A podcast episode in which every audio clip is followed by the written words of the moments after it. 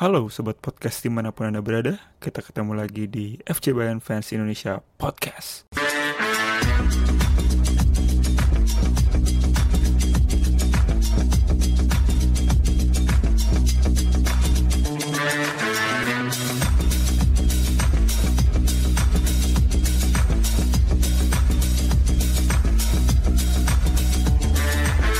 Oke, eh, Ya beginilah.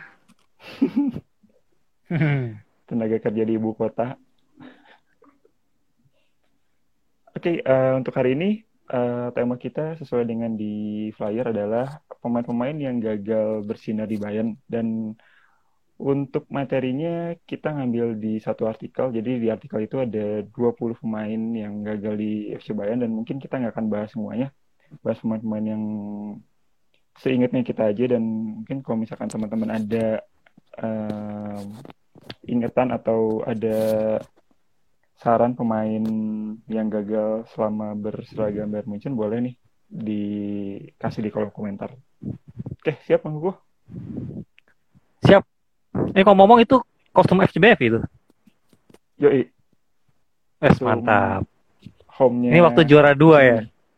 Yoi, Juara dua. turnamen se-Asia. Ah, Asia Asia, Asia Tenggara ya, Asia Tenggara.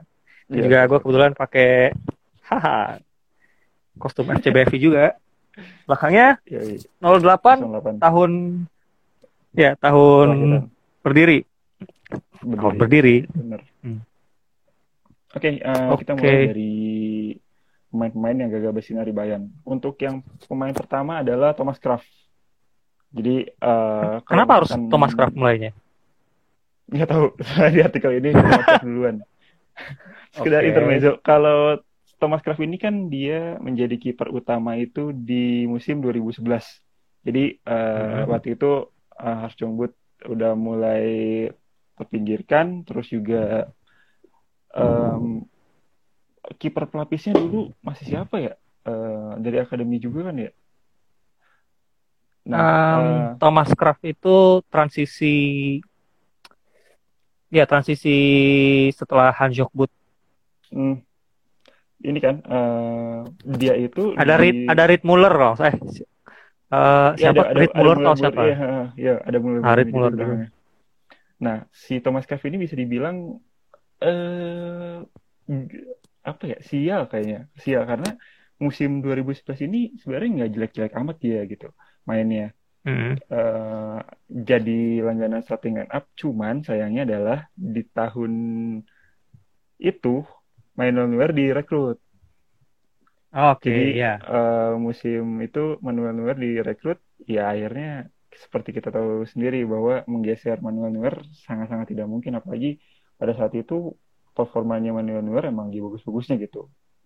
Jadi ya sial Mm-mm. sih, dan setelah itu dia dipindah ke Hertha Berlin kan, Thomas Kraft.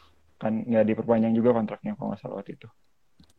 Ya karena menurut dia nggak ada jaminan untuk main jadi starting line up jadi buat apa dia tetap bertahan gitu kan Iya. sementara dia pemain muda dan pengen berkarir berkarya gitu pengen punya Hmm. karir juga artinya juga dia punya harus punya achievement Hmm. Nggak cuma jadi pemain cadangan doang mungkin itu alasannya kenapa dia cabut ke Hertha Berlin Iya, ya itu sayang sekali sih karena kita kan juga jarang melihat kiper bersinar di tim utama dari akademi terutama sepeninggal Sepp gitu. Se- Sepp. Maier, Ramon Auman juga dari akademi kan ya? Auman eh, kurang tahu pasti tapi ya cukup lama di Bayern Cukup lama. ha. Ya jadi waktu itu dari Oliver Kahn dan Sepp sendiri membebankan kelanjutan kiper akademi Bayern untuk jadi tim utama itu pada Thomas Kraft cuman ya gitu. Setelah itu Manuel Neuer datang dan ya karirnya ya udah gitu aja gitu. Stop di situ. Setahu saya Kraft juga bukan didikan Munchen asli ya. Mungkin dari kayak Toni Kroos gitu dari Rostock. Oh, Terus oh. dia diambil di umur bela- belia lah 14-15 tahun kayak gitu. Oke, eh, setelah Thomas Kraft selanjutnya adalah Lando Donovan. Dan nggak tahu ya waktu saya dengar soal Lando Donovan ke Bayern ini lebih kayaknya lebih ke bisnis kali ya karena kan dia kan dari MLS kan dari Liga Amerika kan dan itu pada saat Hmm. jeda liburnya Liga Amerika gitu jadi MLS. direkrut Ah. eh, direkrut ke Bayern kayaknya cuman sebatas kayak branding doang gitu ya kayak apa biar fans-fans di Amerika nih ngeh gitu ada Bayern Munchen gitu gak sih Bisa iya bisa enggak sih? Karena sebelumnya kan dia main di uh, Leverkusen kan. Leverkusen ha. Uh, Landon Donovan sempat main di Leverkusen, terus kemudian dia pindah ke LA Galaxy, terus kemudian di di akhir tahun kan karena jeda kompetisi kan main panjang di MLS ha. di Desember sekitar tiga bulan kalau nggak salah itu Hmm. terus dia eh tanda kutip magang lah magang di Bayern Iya, Bayern, itu Bayern. karena dia untuk untuk untuk latihan gitu latihan terus akhirnya kayak eh, supaya dia tetap bugar gitu kan di masa eh, libur kompetisi MLS ya mungkin ada sisi lain ya untuk eh, bagian marketing juga ya marketingnya FC Bayern ke Amerika. Karena waktu itu Amerika juga salah satu target pasar Bundesliga. Pelan tapi pasti mereka mengalihkan pandangannya nggak cuma ke Asia tapi ke eh, Amerika gitu kan Hmm. Amerika gitu. Ya saya rasa sih ada bagian hmm, apa namanya promosi juga untuk Promosi, Eh, itu. ya.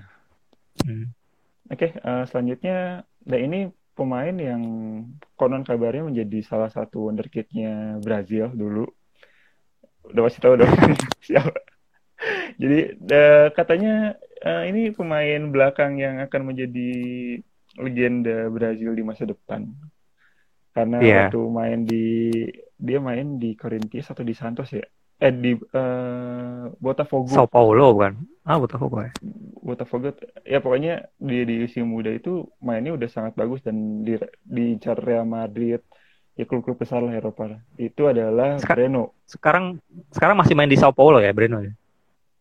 Eh, iya ya masih masih. Ah, kalau salah ya. Eh, ya itu kan Breno. yang bawa sebenarnya Elber. Elber iya. Iya, jadi jadi eh ini apa namanya ngutip per- pertanyaan dari Asep Ginanjar ya Kang Asep. Hmm. waktu eh, Elber datang ke Indonesia kita sempat dikasih beberapa slot pertanyaan terus eh, Kang Asep itu sempat tanya bahwa gimana eh, pendapatnya soal Breno? Ya eh, di- dia nggak dia nggak pernah tahu kalau akan kejadian seperti itu gitu kan.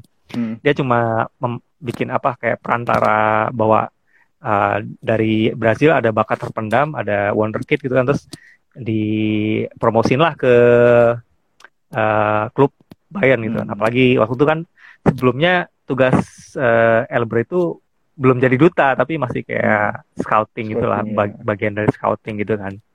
Udah akhirnya dipromosiin lah itu Breno ke Bayern. Um, uh, Elber juga bingung mau jawab apa karena sebetulnya dia juga uh, apa namanya agak-agak shock juga kan hmm. uh, kejadiannya bakal seperti itu. Ya kita nggak pernah tahu bahwa mental pemain bisa sebegitu dra- drastisnya apa apalagi pemain muda kan sebegitu drastisnya Uh, dia homesick dia apa namanya nggak uh, kerasan mungkin nggak cocok di budaya baru terus kemudian dia uh, lama kelamaan depresi dia nggak ada tempat tekanannya begitu tinggi terus akhirnya ya begitulah yang terjadi Iya. ya for info dia sampai depresi sampai bakar rumahnya sendiri Keluar kan rumah, iya. dan dan itu playing victim lagi Iya benar. Eh, setelah diinvestigasi akhirnya ketahuan ternyata bahwa eh, dia itu yang bakar sendiri gitu Dia kan eh, ke Bayern itu tahun 2007 2007 Eh, itu di umur 18 tahun gitu.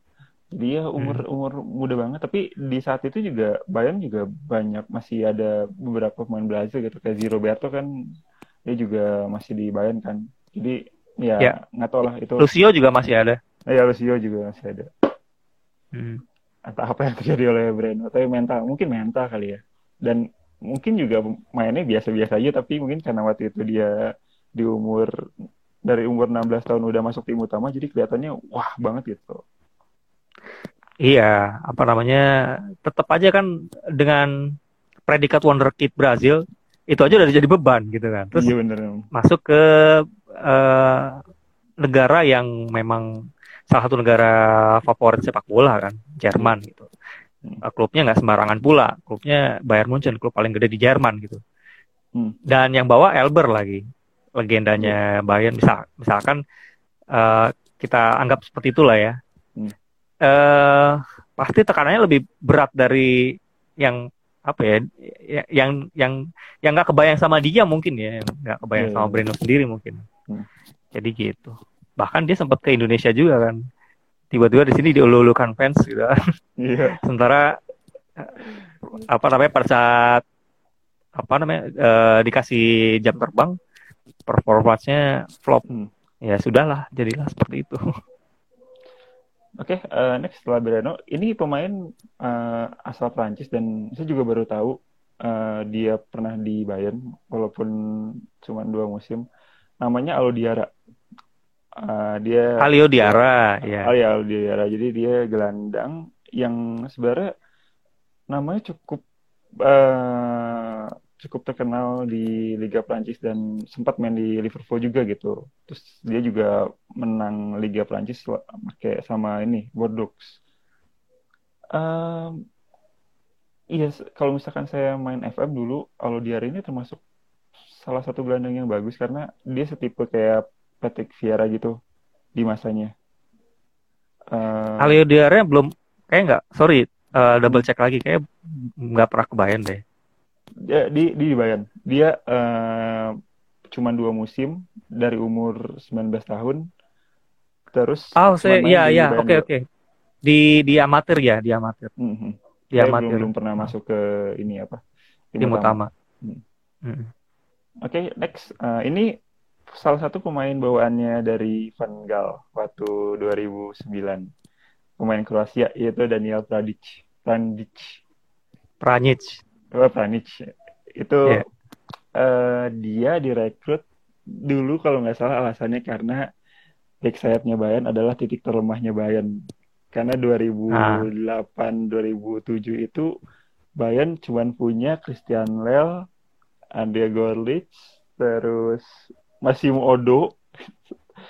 uh, ada Marcel Janssen kalau nggak salah.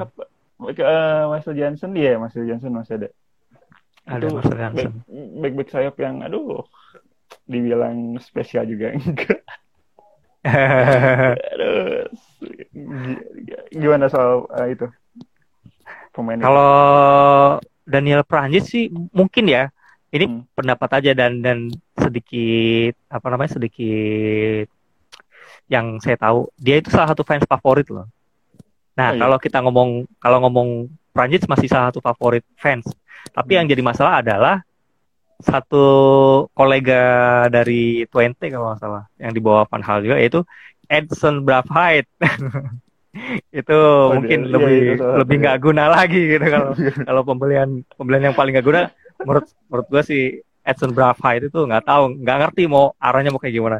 Dipasang mainnya nggak jelas terus uh, akhirnya ya we, ya wasted aja sih kayak dibuang-buang percuma dia soalnya ini Belanda. Jadi Van Gaal itu pengen siapa nih pemain Belanda? Di stok di back, back sayap. Terus ternyata eh, ada orang ini nih. Ya udah rekrut aja deh. Iya. Iya dari Twente. Karena dia jadi Van Gaal tuh sempet uh, sempet berhasil kan juara hmm. bawa Twente ya kalau salah. Koreksi kalau salah. Twente di hmm. Liga Belanda. Jadi musim sebelumnya dia juara pakai apa bawa Twente juara. Nah itu dia bawa dua dua atau tiga pemain kalau nggak salah Hmm. Ya salah satunya itu tuh Edson Bravheit. uh, terus yang selanjutnya itu ada uh, Trowoski. Tros Trowoski ya bacanya. Trochovski. Trochovski. Trochovski. Ya. Itu kan Trochovski dia... ini pemain akademi loh.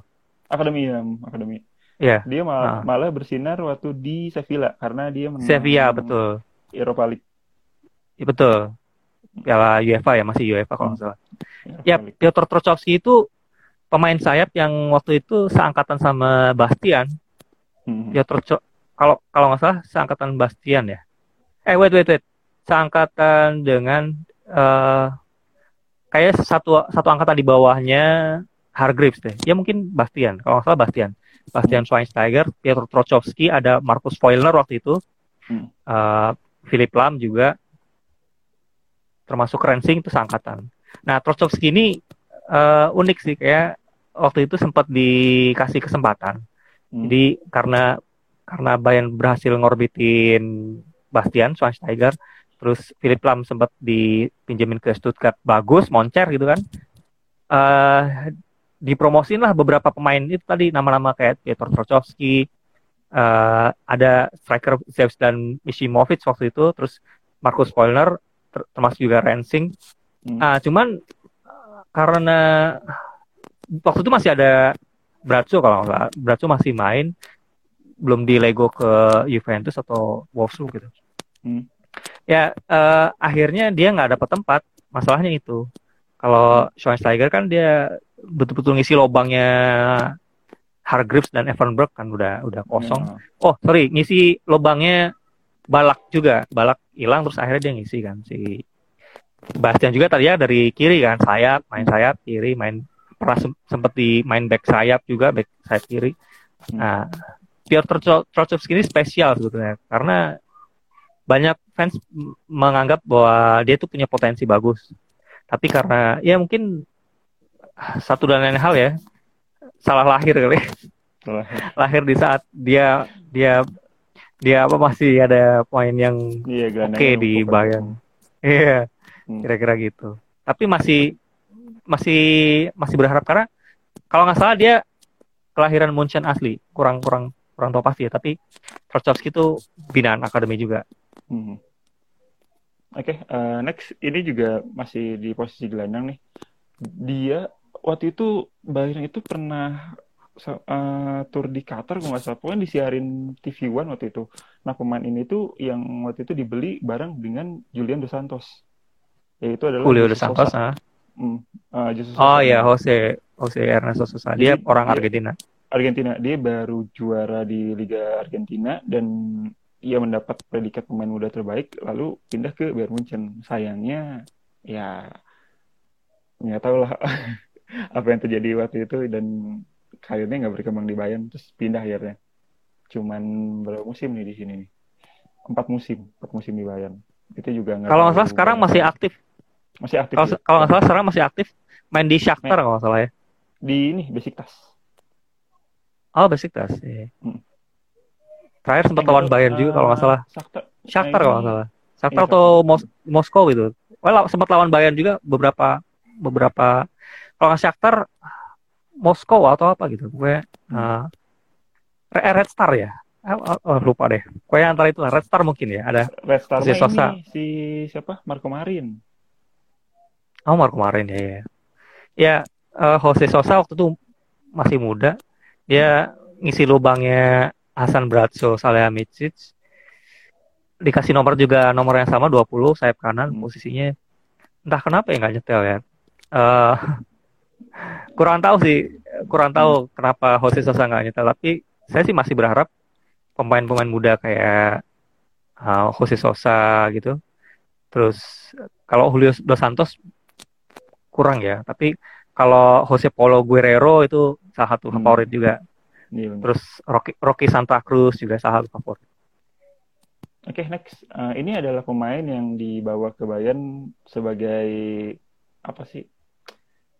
Kayak kalau misalkan orang ikut kerja di perusahaan lain lewat orang dalam, nah ini salah satunya pemain ini nih, yaitu adalah Peperina. Oke. Okay, ya, Peperina ke Bayern ini waktu itu direkrut, dipinjam lebih tepatnya pada masa Pep Guardiola jadi sebenarnya waktu itu kayaknya Bayern nggak butuh-butuh amat kiper pelapis tapi kenapa harus ngambil Pepe Reina yang dari Spanyol itu masih belum ngerti sih maksudnya apa gitu mungkin waktu itu bisa. Eh Pepe Reina waktu Pep atau waktu Carlo ya? Dia, Pep, Pep ya masih Pep itu, ya? Uh, oh kalau pokoknya, Sabi Alonso baru waktu, waktu itu ya? Kalau Sabi Alonso Pep waktu Carlo ya? Enggak, Pep oh, ya? Oh. Jadi di Pep itu waktu zaman Pep itu ada lima lima orang pemain Spanyol di Bayern. Dan waktu itu pernah tuh dikritik tuh uh, gara-gara Bayern terlalu banyak orang Spanyol. Bernat uh, Pereira Javi Martinez Thiago sama Javi Alonso. Bukannya waktu Pep Pep kalah sama Madrid Madrid juara ya? Uh, hat trick iya itu iya. Mm -hmm. itu. Tapi iya. uh, ya, yang... berarti Javi Alonso udah masih di itu dong masih di Real Madrid. Ya, kalau salah waktu Carlo deh. hat, hat tricknya uh, Zabi nggak ikut. Zabi itu cuman satu musim juara sekali doang kalau nggak salah. Sekali atau dua kali gitu. Pokoknya yang ketiga itu nggak ikut. Yang ketiga itu Oh, di ya? Bayern. Hmm.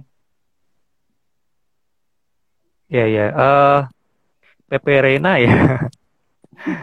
Susah sih karena entah posisinya mau mau mau apa ya mau jadi kiper pelapis juga tanggung sementara dia pengennya tetap kiper nomor satu kan Iya. artinya dia pasti masih punya hasrat jadi kiper utama terus masuklah di Bayern jadi kiper cadangan karena mungkin eh, nggak yakin dengan kemampuan mungkin ya nggak yakin dengan kemampuan kiper cadangan nomor dua akhirnya direkrut juga si Iya. Pepe Reina ini tapi sekali main juga cedera jadi gimana dong Mhm.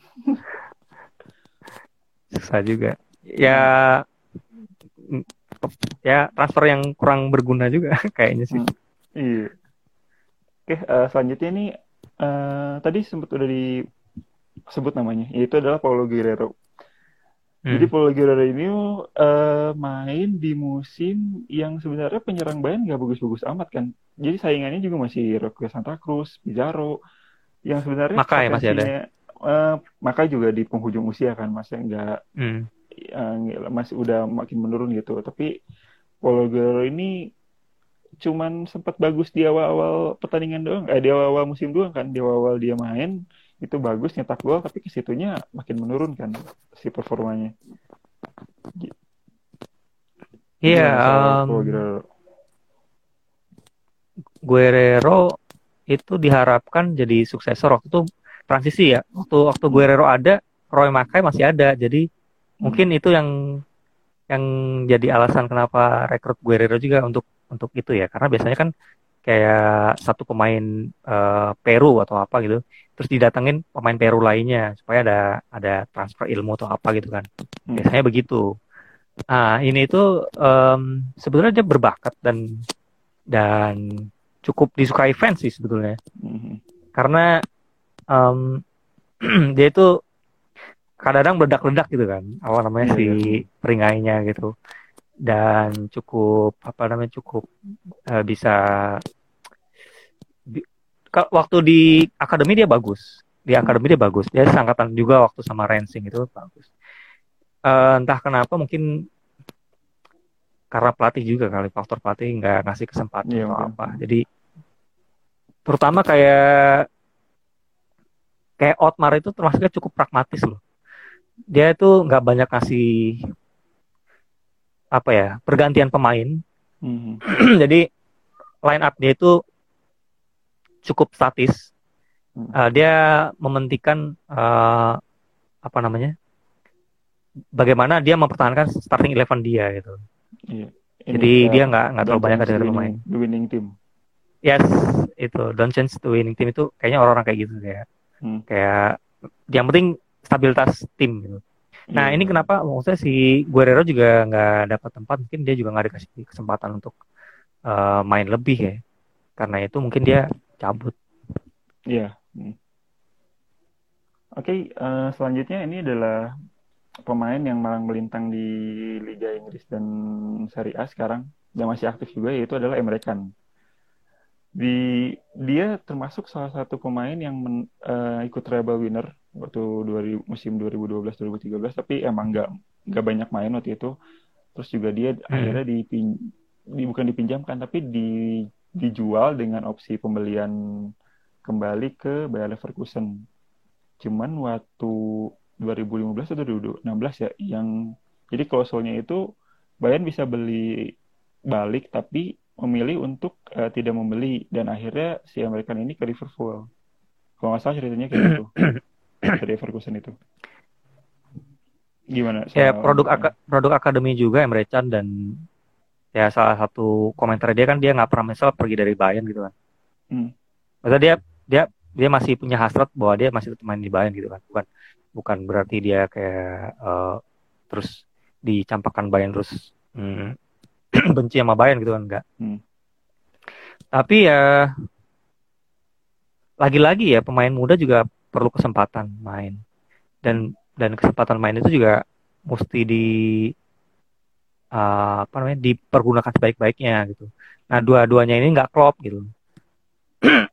Emre Can udah udah masuk uh, juara Eropa kalau salah juara Eropa itu ya juara uh, Eropa dua, uh, junior junior.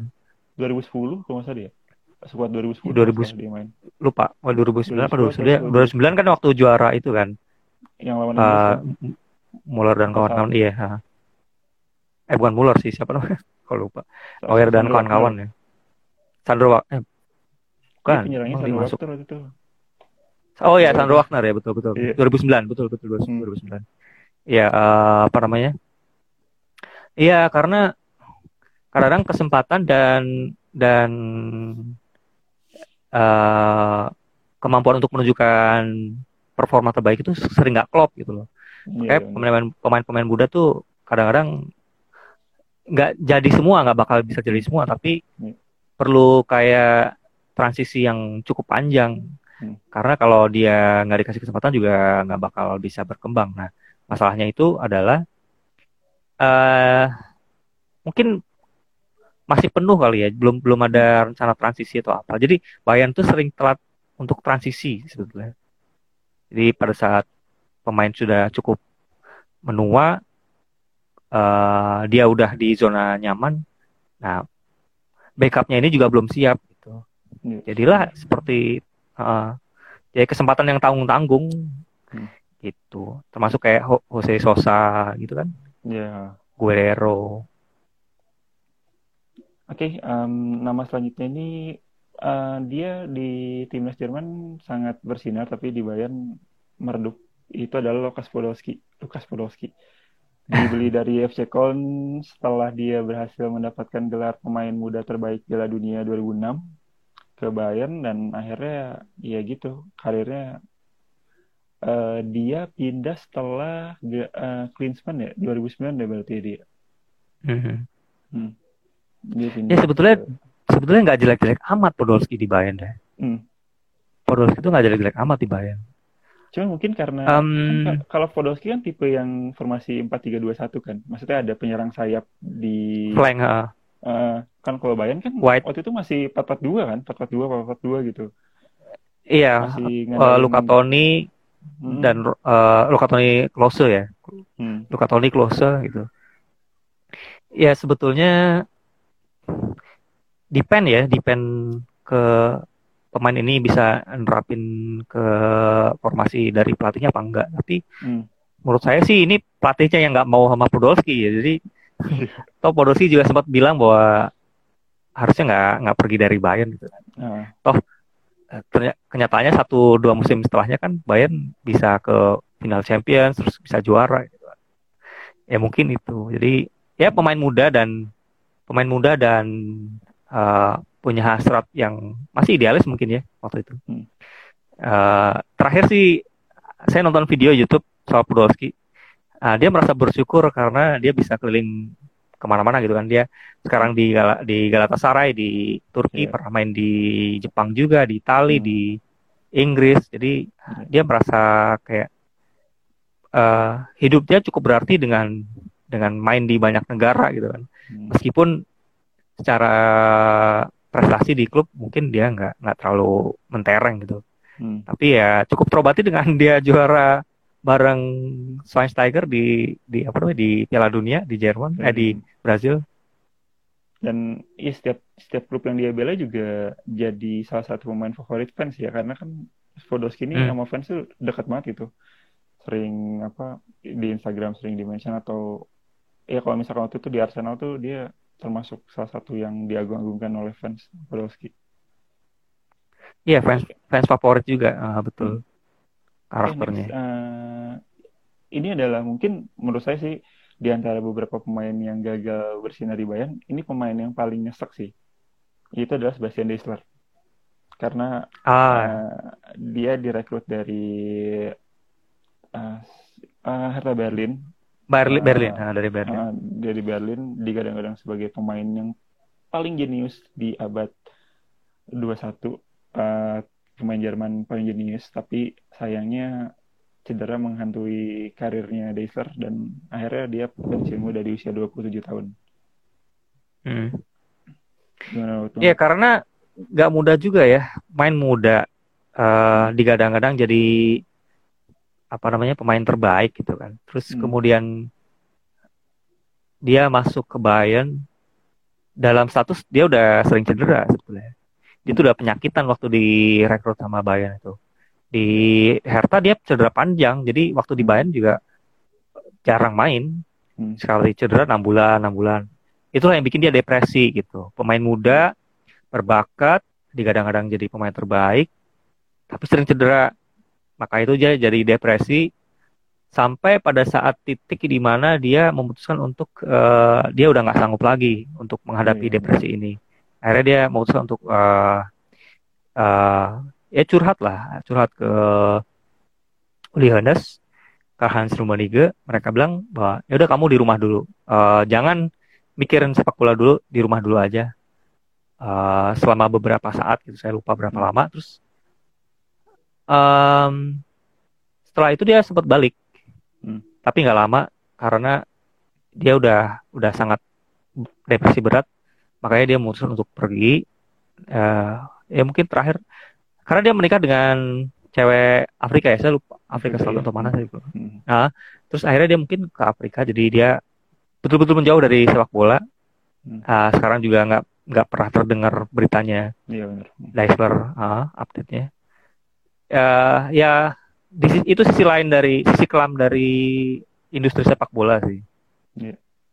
Seperti halnya kayak kita bilang K-pop gitu kan, kenapa bisa banyak yang bunuh diri karena ya itu pressure-nya begitu tinggi, uh, tekanan industri, media, fans dan lain-lain mungkin. Nah, um, begitu juga dengan kita sebut kemarin almarhum Robert Enke gitu kan. Hmm.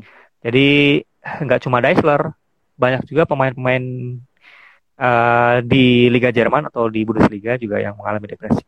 Salah satu yang yang sempat uh, viral dan cukup bikin gempar juga adalah pengakuan uh, Thomas Hitzelberger. Oh iya. Hmm. Itu yang mengaku bahwa dirinya dirinya adalah um, LGBT gitu kan. Uh, penyuka sesama jenis. Nah, itu dia ungkapkan kan makanya semua orang gempar gitu. Hmm. Uh, tapi bagaimanapun ya akhirnya itu membuat semua orang tuh terbuka gitu bahwa yeah. uh, setiap orang punya setiap orang punya masalah sendiri itu uh, depresi yang tidak bisa diungkapkan terus kemudian anxiety pemikiran yang berlebihan uh, polemik-polemik di dalam keluarga atau mm. di batin sendiri itu mungkin mungkin yang nggak banyak orang tahu yang kita tahu cuma permainan sepak bola di lapangan kita nonton stadion ya udah tapi di sisi lain juga ada orang seperti Sebastian Deisler. Hmm. Mungkin yang terbaru adalah Mario Götze.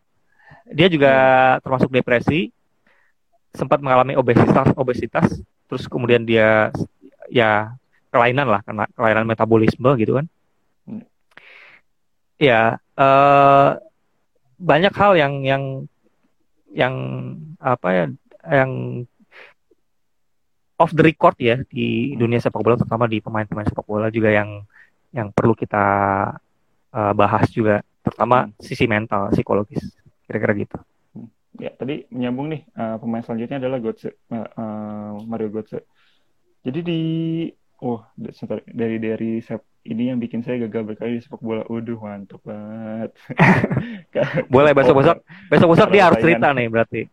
Besok-besok dia harus cerita nih berarti dari jadi ini aja atlet saya udah e-sport ya e-sport atlet karambol uh, uh, yang selanjutnya adalah ini uh, Mario Götze jadi uh, Götze waktu ke Bayern ini termasuk cukup kontroversi karena dia datang di saat yang tidak tepat um, Bayern dan Dortmund masih bersaing di Bundesliga dan di Liga Champions dan dia ditransfer juga uh, di tengah bukan di tengah musim juga tapi ya di akhir-akhir musim lagi. Menjelang akhir musim ya. Hmm, kurang etis banget gitu kepindahan coach ini. Walaupun di musim pertamanya cukup bagus, dua digit dia ngegolin, juga asis juga dia ngegolin, termasuk golnya lawan Dortmund di kandang Bayern waktu itu.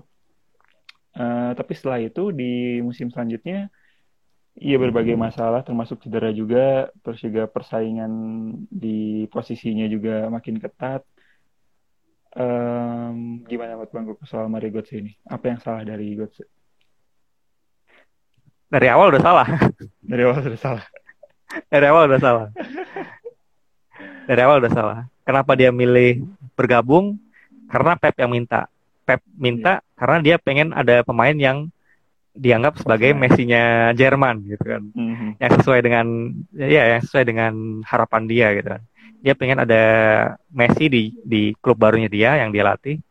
Dia belum bisa move on dari Barcelona jadi dia pengen pengen bikin skemanya betul-betul kayak Barca waktu itu gitu. Awal-awal juga nggak nyetel sama sekali. Awal-awal dia sempat nggak bisa tune in ke ke tim Bayern karena itu dia masih memaksakan bahwa tim Bayern ini bisa dia latih dengan cara La Masia dengan cara yeah.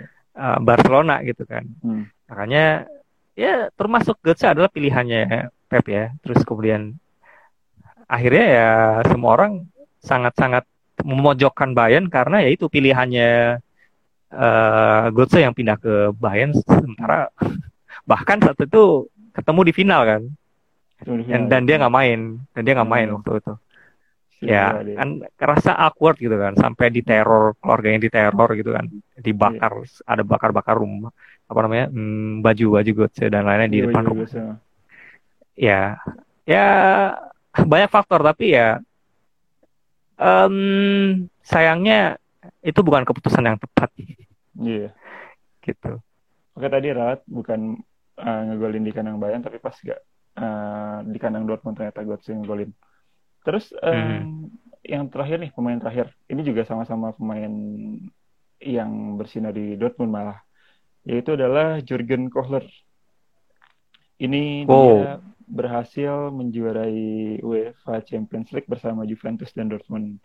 Setelah gagal bersinar di Bayern, dia malah um, akhirnya jadi pemain bintang di Juventus dan Dortmund.